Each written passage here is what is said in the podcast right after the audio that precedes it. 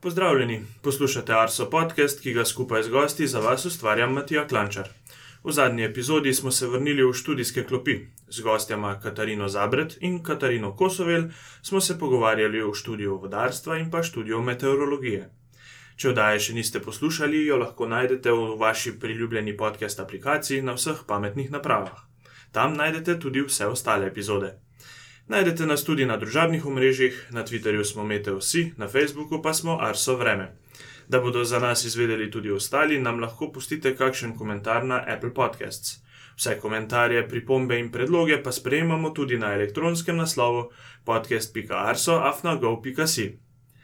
Današnja tema bo povezana z letalsko meteorologijo. Z mano je Andrej Hrabar, vodja sektorja za operativne meteorološke napovedi. Zdrav, Andrej. Ja, lepo zdrav. Še preden pa se z gostom preseliva na osrednjo temo, je čas za novo vremensko uganko. Pred 14 dnevi sem postavil vprašanje, kateri fakulteti morate obiskovati, če želite na koncu postati diplomirani meteorolog oziroma diplomirani hidrolog. Meteorolog postaneš po študiju meteorologije na fakulteti za matematiko in fiziko, hidrolog pa postaneš po študiju vodarstva in pa vodnega inženirstva na fakulteti za gradbeništvo in geodezijo. Današnja vremenska uganka pa je naslednja. Kakšna je povprečna letna temperatura v obdobju 1981 do 2010 na postaji Ljubljana Bežigrad? Še manjši namik, odgovor se skriva v tabelah, ki jih najdete lahko na naši spletni strani. Odgovore nam lahko zapišete na Facebook, na Twitter ali pa jih pošljete na naš elektronski naslov podcast.arso.afnago.si. Andrej Lutiva pa se sedaj v srednje teme. Uh, pogovarjala se bova o vlogi meteorologije pri preiskavi letalskih nesreč. Uh, zdaj pa, ker je med nami meteorologi tudi veliko športnih navdušencev, je na današnjo osrednjo temo kar močno vplival dogodek izpred točno meseca dni ko je v helikopterski nesreči umrl košarkar Kobe Bryant. Kakor vem, si tudi sam košarkarski navdušenec, eh, kako bo pa tebi Kobe ostal v spominu? Kobe je bil res vrhunski košarkar, ne? čeprav ni bil čist uh, moj tip igralca. No? On je bil dejansko ta eksekutor. Uh, v bistvu zaključovalec tekem, ne, uh, zelo dober strelc. Uh, meni se pa bolj všeč igralci, ki imajo mogoče kakšno potezo več ali pa uh, so malo bolj nesebični. No, iz te generacije, uh, Kubijeve, mi je mogoče recimo White Chocolate bil bolj, uh, bolj simpatičen, Jason Williams. Ne, recimo, drugače pa, ko bi mi bil bolj všeč kot uh, uh, osebno zunaj igrišča, no? uh, bolj kot pa sam igralec, ne? zato ker je nekako podiral te stereotipe o NBA igralcih, črnskih, uh, veš tisto. Brother from the Hood, uh, uh, on je bil pač uh, svetovljan, ne? on je večino svoje mladosti preživel v Italiji. Zaradi tega je drugače mogoče gledal na svet, eh, govoril več tujih jezikov, bil zelo razgledan, inteligenten in mi bil bolj všeč zaradi eh, svoje persone oziroma pojave. No. Uh mhm. -huh. Tudi uh, njegovo delo se je kazalo zdaj, še po koncu njegove kariere, ko se je res veliko ukvarjal tudi z žensko košarko, ki vemo, drugač, da v svetu še ni nekako prodrla, recimo, ne? ja. tudi uh, v ameriškem smislu. Uh, Eh, dobro, če se lotiva zdaj meteorologije in pa preiskav letalskih nesreč in incidentov, te najprej prosim, če lahko poslušalcem razložiš, kako si pa ti v svojem delu upet v letalsko meteorologijo. Ja, jaz sem svojo kariero začel kot, kot meteorolog, takoj po faksu na letališču Brnik. Ne. Tega je že več kot uh, eh, 20 let in še danes ohranjam pač to licenco za delo. Uh, Jaz sem tudi pridobil pooblastilo inštruktorja, Prevzel sem tudi vodenje te službe. Um, kot vodja sem pač neposredno odgovoren za, za, za samo uh, delo službe. Skrbim za šolanje novih kadrov, stalno usposabljanje obstoječega kadra. Sem član številnih mednarodnih domačih teles, projektov in tako naprej. Uh no. -huh. Uh, zdaj pa, glede na to, da smo že omenili v začetku, da bomo govorili o preiskavah letalskih nesreč iz vidika meteorologije, me zanima, kateri vremenski pojavi so največkrat vzrok za težave v zračnem prostoru. Ja, tukaj je treba na prvem mestu, seveda, omeniti nevihte. Ne? Uh, v bistvu se jih vsi letalci poskušajo izogibati v velikem loku. Z nevihtami so povezane razelektritve, se pravi, da je strel, lahko pada toča, lahko je močen veter, slaba vidljivost in, in tako naprej. No, v glavnem, nevihte so tudi zelo nepredvidljive in, in nastanek in gibanje in tako naprej. No. To je recimo ta prva, potem je seveda veter. Močan veter, s tem povezano vetrovno striženje, turbulenca v zraku, potem slaba vidljivost, recimo megla, zeledenitev, se pravi, nabiranje ledu na konstrukciji letala je lahko problem, predvsem na krilih, recimo na teh izpostavljenih delih. Pa v terenu, kjer, je, kjer je tudi, so hribi ali pa gore, recimo je nizka oblačnost lahko problem, ker so pač ti hribi oziroma gore skriti v oblakih in se jih ne vidi in predstavljajo pač oviro. potem lahko je problem tudi, so previsoke temperature. to, to v fazi vzleta, ne, kjer so, kjer je pri visokih temperaturah pade gostota zraka, ne, in tudi performanse samih motorjev, kar pomeni, da, da so včasih steze lahko celo prekratke, da če bi bilo polno naloženo letalo, za, da ne bi doseglo dovolj hitrosti za vzlet, ne, recimo. Potem so pa še pojavi, ki niso čisto meteorološki, no, recimo vulkanski pepel je, to poznamo te zgodbe. v zadnjih letih pa zanimivo se je pojavil tudi kot problem lahko aktivnost Sonca, ne, temu rečejo, po angleško se temu reče space weather. namreč precej poletov se zdaj izvaja tudi preko polov. predvsem seveda preko severnega pola, ker je to najkrajša, lahko najkrajša pot, ne. In tam seveda se magnetne silnice nekako stekajo na polih, ne, in če pride do izbruhov te korone, ne, teh delcev Sonca, ki z veliko hitrostjo priletijo v našo atmosfero, dobimo ta atraktiven pojav aurore, ne, se pravi severnega sija. Ampak istočasno ta ionizacija atmosfere lahko povzroča probleme z radionavigacijskimi komunikacijami, se pravi lokacija GPS ne dela tako dobro, lahko pride tudi do poškodbe elektronike na samih letalih in tako naprej, no. To je ena, ena taka dosti zanimiva tema, ki pa, ki se pojavlja šele v zadnjih nekaj letih, odkar se leti preko polov. Sneženje je tudi seveda lahko problem, steze je treba sčistiti, predvsem povzroča zamude, recimo sneženje, no. Zdaj omenil si, kateri vremenski pojavi so največkrat vzrok za težave. si jih lepo naštel.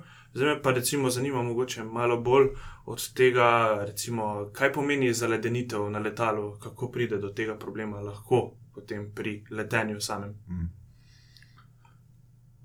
Ja, zdaj letenje seveda poteka na višjih višinah, ne, in običajno je, da da so na teh višinah temperature negativne, ne.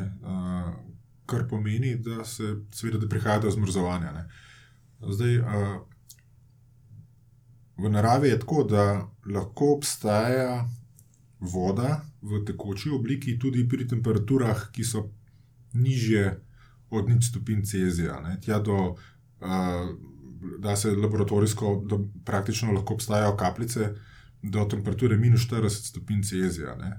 Seveda te kapljice so v, v, v nestabilnem stanju in se takoj, ko se pojavi neka motnja, se tista kapljica spremeni v led, ne. in zdaj, če si predstavljaš, da neko letalo leti skozi oblak pri temperaturi recimo minus deset stopinj Celzija in so v tem oblaku vodne kapljice.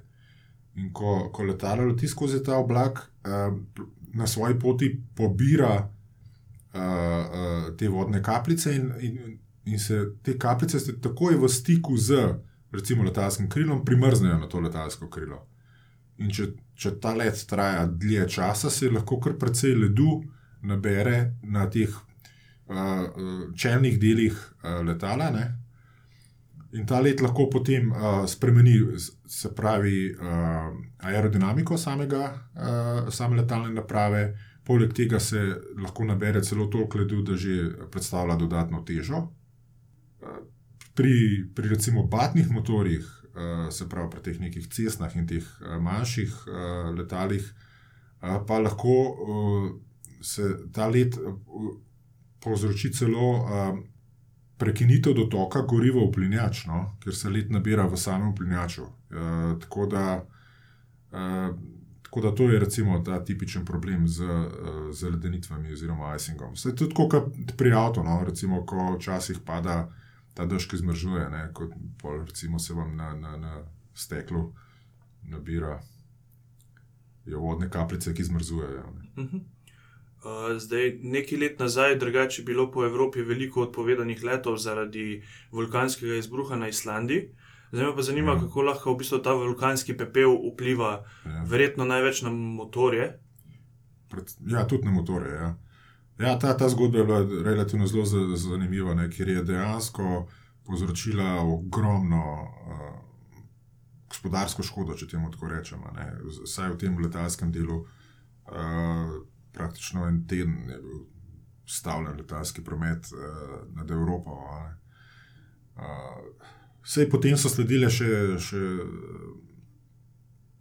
so se nekako spremenili ti predpisi, no? uh, kar se tega letenja v pogojih, uh, ko je prisoten vulkanski pepel. Uh, nekako so tudi uh, proizvajalci motorjev. Uh, delali dodatne študije, kaj ta vpliv sploh pomeni. No. Ampak, če se vrnem nazaj na tvoje vprašanje, uh, v čem je problem? Ne? Problem vulkanskega papila je to, da je uh, tališče tega papila. Ma nižjo temperaturo, kot je sama tem, delovna temperatura letalskih motorjev. Ne. In a, ko ta letalski pepel pride v stik z a, motorjem, a, praktično začne goreti, oziroma se taliti in se Ker, uh, to je pa v bistvu uh, sestava tega vulkanskega uh, papela, je pa zelo podobna steklu. No? To je tako, kot se ti potem v bistvu kot neko steklo začne prijemati na lopatice motorjev, začne goreti, bruhati ogen zadaj uh, in tako naprej. No? Uh, poleg tega je ta vulkanski pepel zelo, tudi zelo ambroziven, se reče. Ne? In ti dejansko lahko uh, uh, obrusi. Uh, stekla na, na, uh, na letalo. Ne. Tako da se sploh ne vidi več, ne. ti dejansko tega pa obrusi, tako kot je embrazivanje. Uh, bašati filtre uh, v kabini in tako naprej. No. Ampak uh, naj, največji vpliv ima seveda na, uh, uh, na letalske motorje, ne. zaradi tega, ker je tališče tega papila nižje od temperature, uh, delovne temperature motorjev. Ne. Um, za tiste, ki recimo bolj pogosto letijo, uh, so verjetno že malo bolj navajeni tudi neke vetrovne turbulence ja. v zraku. Ja. Zdaj me pa samo zanima, če lahko mogoče malo razložiš, kaj pa je uh, Clear Air Turbulence in kako jo je v bistvu mogoče vem, ali napovedati, sploh ali se jo da kaj. Ali... Ja, uh, uh, seveda turbulenca, zapravo, to je to, kar potniki čutijo kot tresnjene letala, brez kakršnega uh, vidnega vzroka. Uh, uh, temu se reče turbulenca. Um, Clear turbulence je pa v bistvu en strokovni izraz, ker gre za turbulenco, ki se pojavi uh, v jasnem vremenu, če temu tako rečem, ne, ki, ko, ko ni prisotnih oblakov, se pravi, ni nobenih indicov, ker če Uh, zdaj, tako, ne, če, vid, če pilot vidi uh, ali pa zrad posadka tako raztrgane oblake, ne, uh, ki nimajo tako jasno definirane baze, pa že lahko pač človek pričakuje, ker, de, ker, ker veter raztrga te oblake, da, da, da je tam prisotna turbulenca. Včasih pa ni, ni sploh ni prisotnih oblakov, je pa vse turbulentno. Uh, temu se reče clear turbulence. Ne. Zdaj, uh, da se, do nek, do, da se napovedati pogoje, ki so bolj ali manj prisotni ne, a, in povzročajo samo turbulenco, to pa delamo v bistvu z nekimi numeričnimi izračuni. No. Ne bi se zdaj le uh, preveč spuščal v detajle. Um, mogoče še ena izmed takšnih zadev, uh, s katerimi imam tudi sam neke izkušnje. Ja. Ko sem enkrat pristajal uh, na letališču v Cirihu, je bila megla praktično do tal. Ja. Jaz takrat se nisem zavedal, kako blizu smo že v bistvu pristanku. Ja. Me pa zanima, recimo, kaj more paziti ali pilot, oziroma tudi eh, mogoče meteorologi na letališču, kako to sporočajo potem. Mhm. In ali je to v bistvu vse odvisno od letalskih naprav, ali tudi mogoče kaj od človeškega faktorja. Ne, zato um, mislim, da ta tehnologija šla res naprej. Uh, in, in zdaj, meteorologi imamo namaščene v- naprave za merjenje vidljivosti na letališčih. Ne, tem, temu se reče vizibilmeter. Ne. Uh, to so pač neki laserji, uh, laserske naprave, ki merijo slabitev uh, žarka na določeni razdalji, uh, in se da iz te, um, koliko se na določeni razdalji uh, pač laserski žarek oslabi v svoji jakosti, ne se da uh, potem dejansko izračunati uh, vidljivost. Ne, tako, se, tako se danes to dela. Ne, to ni, uh, ni to tam, da bi nek meteorolog ocenil, da se zdaj vidi 50-100 metrov, ampak se v bistvu se to dela z, z merilniki ne, vidljivosti. Uh, je, je pa tako, no, da se pristanje v slabi, vidli, v slabi vidljivosti je odvisno spet od sposobnosti posadke letala, pa opremljenosti letala in tudi opremljenosti uh, samega letališča. Uh, In v, v zelo, zelo gosti megli, kot si samo omenil, ne, je praktično nemogoče, da bi človek to sploh sam odpeljal, ne, ker, je, ker se vse prehitro dogaja. Uh, in, in, in zaradi tega uh, so nameščeni sistemi za samodejno pristajanje letal.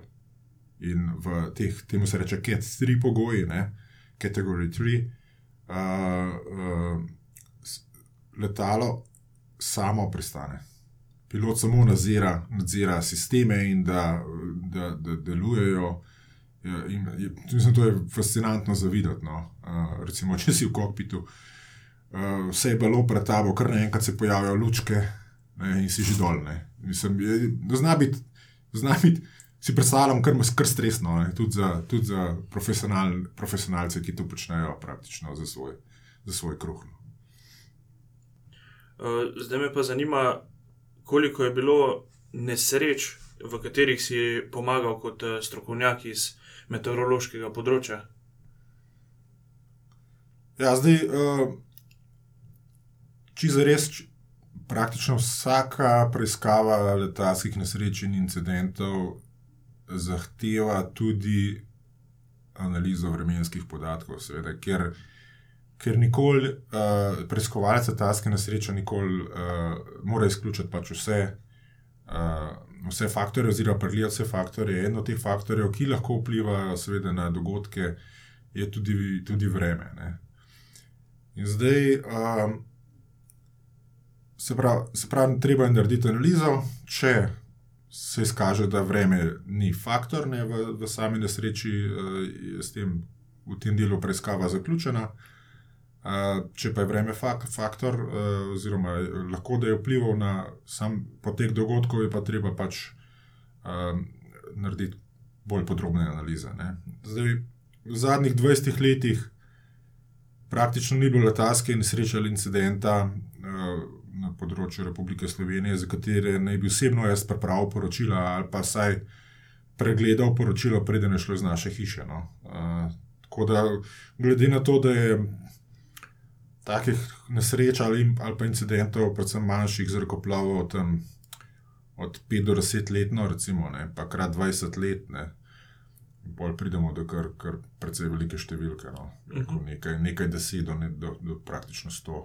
teh poročil sem že napisal v svoji karieri. Ja. Uh, malo si že nakazal, drugač, kako lahko strokovnjak z področja meteorologije pomaga pri preiskavi letalskih nesreč in incidentov. Omenjal si podatke uh, vremenske, kaj pa so še ostale stvari. Ja, letalski meteorolog, seveda, nismo strokovnjaki za same letalske operacije in pa letalske naprave. Um, smo pač del enega celovitega sistema, ki zajema strokovnjake z različnih uh, področji letalstva, in potem nekako skupaj preiskujemo uh, te dogodke. Motor, letalski meteorolog, seveda, naša dolžnost in pristojnost je, da analiziramo vremenske razmere in podamo naše mnenje o atmosferskih pogojih v času nesreče. In če so kakšni indici, da bi pač vremenske razmere uh, in pogoji lahko vplivali na sam potek dogodkov. Ponovadi je vedno tako, da ni samo en vzrok za nesrečo, jih je več. Uh, pa še sešteti se morajo kakšne uh, nesrečne okoliščine, da res dejansko pride do nesreče. Letenje je seveda zelo varno. Ne. Se pravi, če se vrnem nazaj. No, uh, Se pravi, če se, če se skaže, da, da bi lahko bil vpliv vremena na potek dogodkov, seveda sledi bolj podrobno posvetovanje z vodjo preiskav letalske nesreče in incidenta, in pa analize samega dogodka in poteka dogodkov. Kako pa prispeva meteorologija k zmanjšanju vpliva vremenskih nevarnosti oziroma razmer na letenje? Ja, zdaj. Uh... Na vseh mednarodnih letališčih eh, so organizirane meteorološke službe, ki, ki nekako zagotavljajo vse potrebne vremenske informacije o vremenskih pogojih na letališčih. Poleg te službe, tako imenovane službe opazovanja in merjenja vremenskih razmer, je, je organizirana tudi prognostična služba, ki pripravlja vremenske napovedi, ne, in pa še ena služba, ki se imenuje služba bdenja. Ta služba pa izdaja ustrezno opozorila na potencijalno nevarne vremenske, uh, vremenske pojave. Se pravi, ta podpora uh, dviganja zračnega prometa je kar močna. Uh, zdaj, vse te funkcije, ki sem jih prej omenil, v Sloveniji upravlja ARSO, oziroma ta Agencija Republike Slovenije za okolje, na kateri smo vsi mi zaposleni. Zdaj, služba je, je organizirana tudi na principu 24-7, kar pomeni, da delamo vse dni v letu, petek in svetek, uh, 24 ur na dan, ne? ker pač letenje lahko poteka katerem koli delu dneva. Ne? Redno pa po različnih kanalih sporočamo informacije tako posadkam zrakoplov, kot, kot službam kontrole zračnega prometa, upravljalcem letališč, letališkim službam. In vsem ostalim, ne, z namenom, da se vsi upleteni zavedajo vremenskih razmer, in lahko sprejmejo ustrezne ukrepe, da bi se letalske operacije lahko odvijale predvsem varno. Varnost je seveda na prvem mestu. Ehm, zdaj me pa zanima tudi, če, kaj so vremensko glavne stvari, na katere morajo paziti letalci, preden se podajo na pot. Ja, to je odvisno od, od letala, pa od, od tipa zrakoplova, tipa letenja, od samega pilota in tako naprej, no, oziroma posadke. Ne. Predtem se mora posadka dobro seznaniti z vremenskimi razmerami na poti, vremenskimi napovedmi in morebitnimi izdanimi opozorili. Ne. Se pravi, ta, temu se reče briefing, ne. se pravi, seznanitev z razmerami.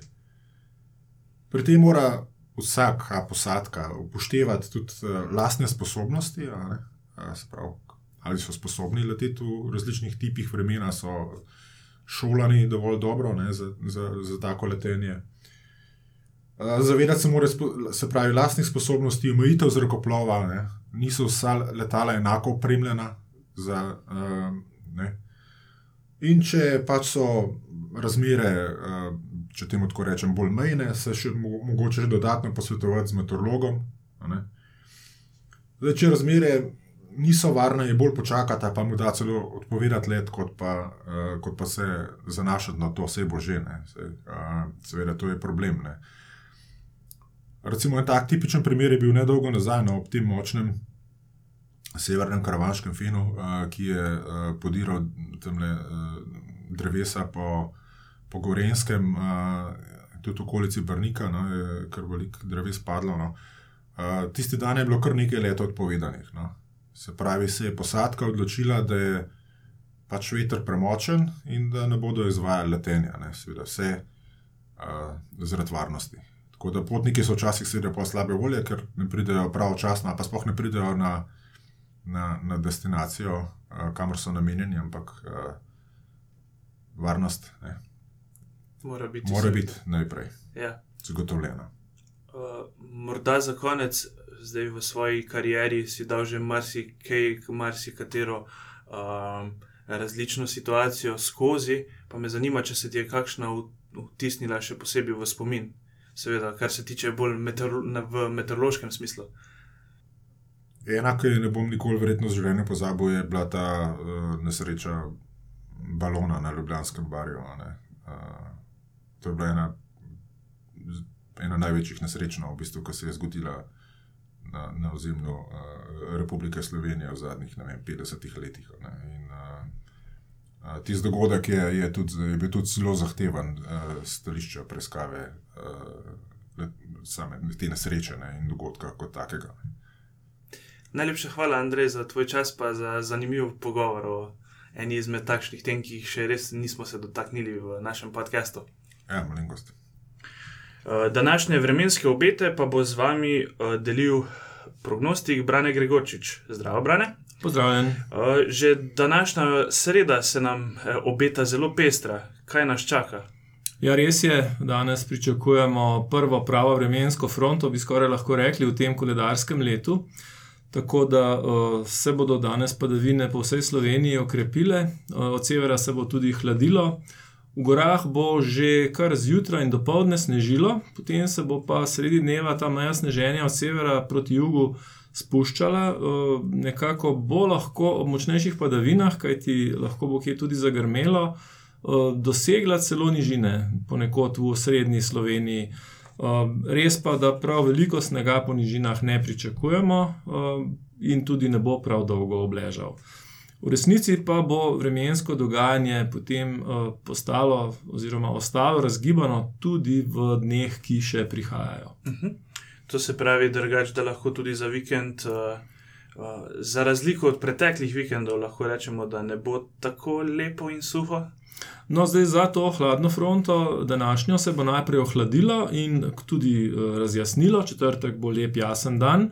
V noči na petek nas bo hitro prešla ena precej oslabljena vremenska motnja, bo prinesla recimo krajem nekje na 700 metri, morda centimeter dva snega, po nižinah pa pričakujemo samo nekaj rahlega dežja.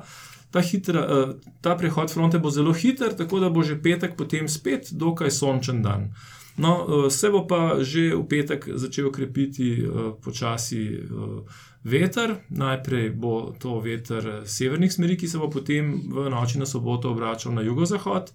Soboto bo pihal okrepljen jugozahodni veter, zato se bo otoplilo, in že v noči na nedeljo, pa potem v nedeljo, pa pričakujemo prihod nove vremenske motnje, ki bo precej podobna po svojih učinkih kot recimo ta današnja. Se pravi, uh, začelo se bo najprej z dežjem v nižjih legah, v gorah s snegom, in uh, lahko da se bo v nedeljo do povdne meja sneženja ponekod tudi približala nižinam. Ob, v obeh primerih pa pričakujemo kar izdatno pošiljko snega v gorah, v Sredogorju in Visokogorju, uh, se pravi nekje tam med 20, 30, tudi 40 cm.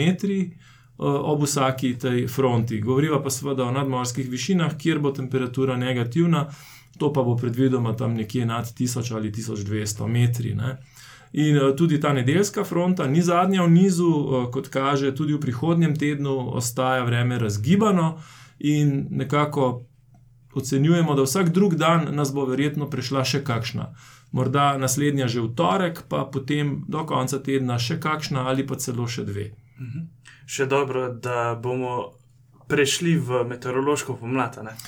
Ja, to drži. Eh, je pa res, da smo imeli zdaj kar precejšen primankljaj padavin v prvih dveh mesecih letošnjega leta, tako da eh, bodo te vremenske motnje, ki jih pričakujemo eh, v naslednjem tednu ali desetih dneh, postopno kar lepo namočile tako zemljo, kot napolnile rečne struge posledično, seveda, kasneje tudi podtalnico, tako da tudi e, snežna zaloga v gorah se bo obogatila. Vemo, da letos je snega v Sredogorju bore malo, ne? no, ampak e, sedaj se ga bo pa nabralo. No?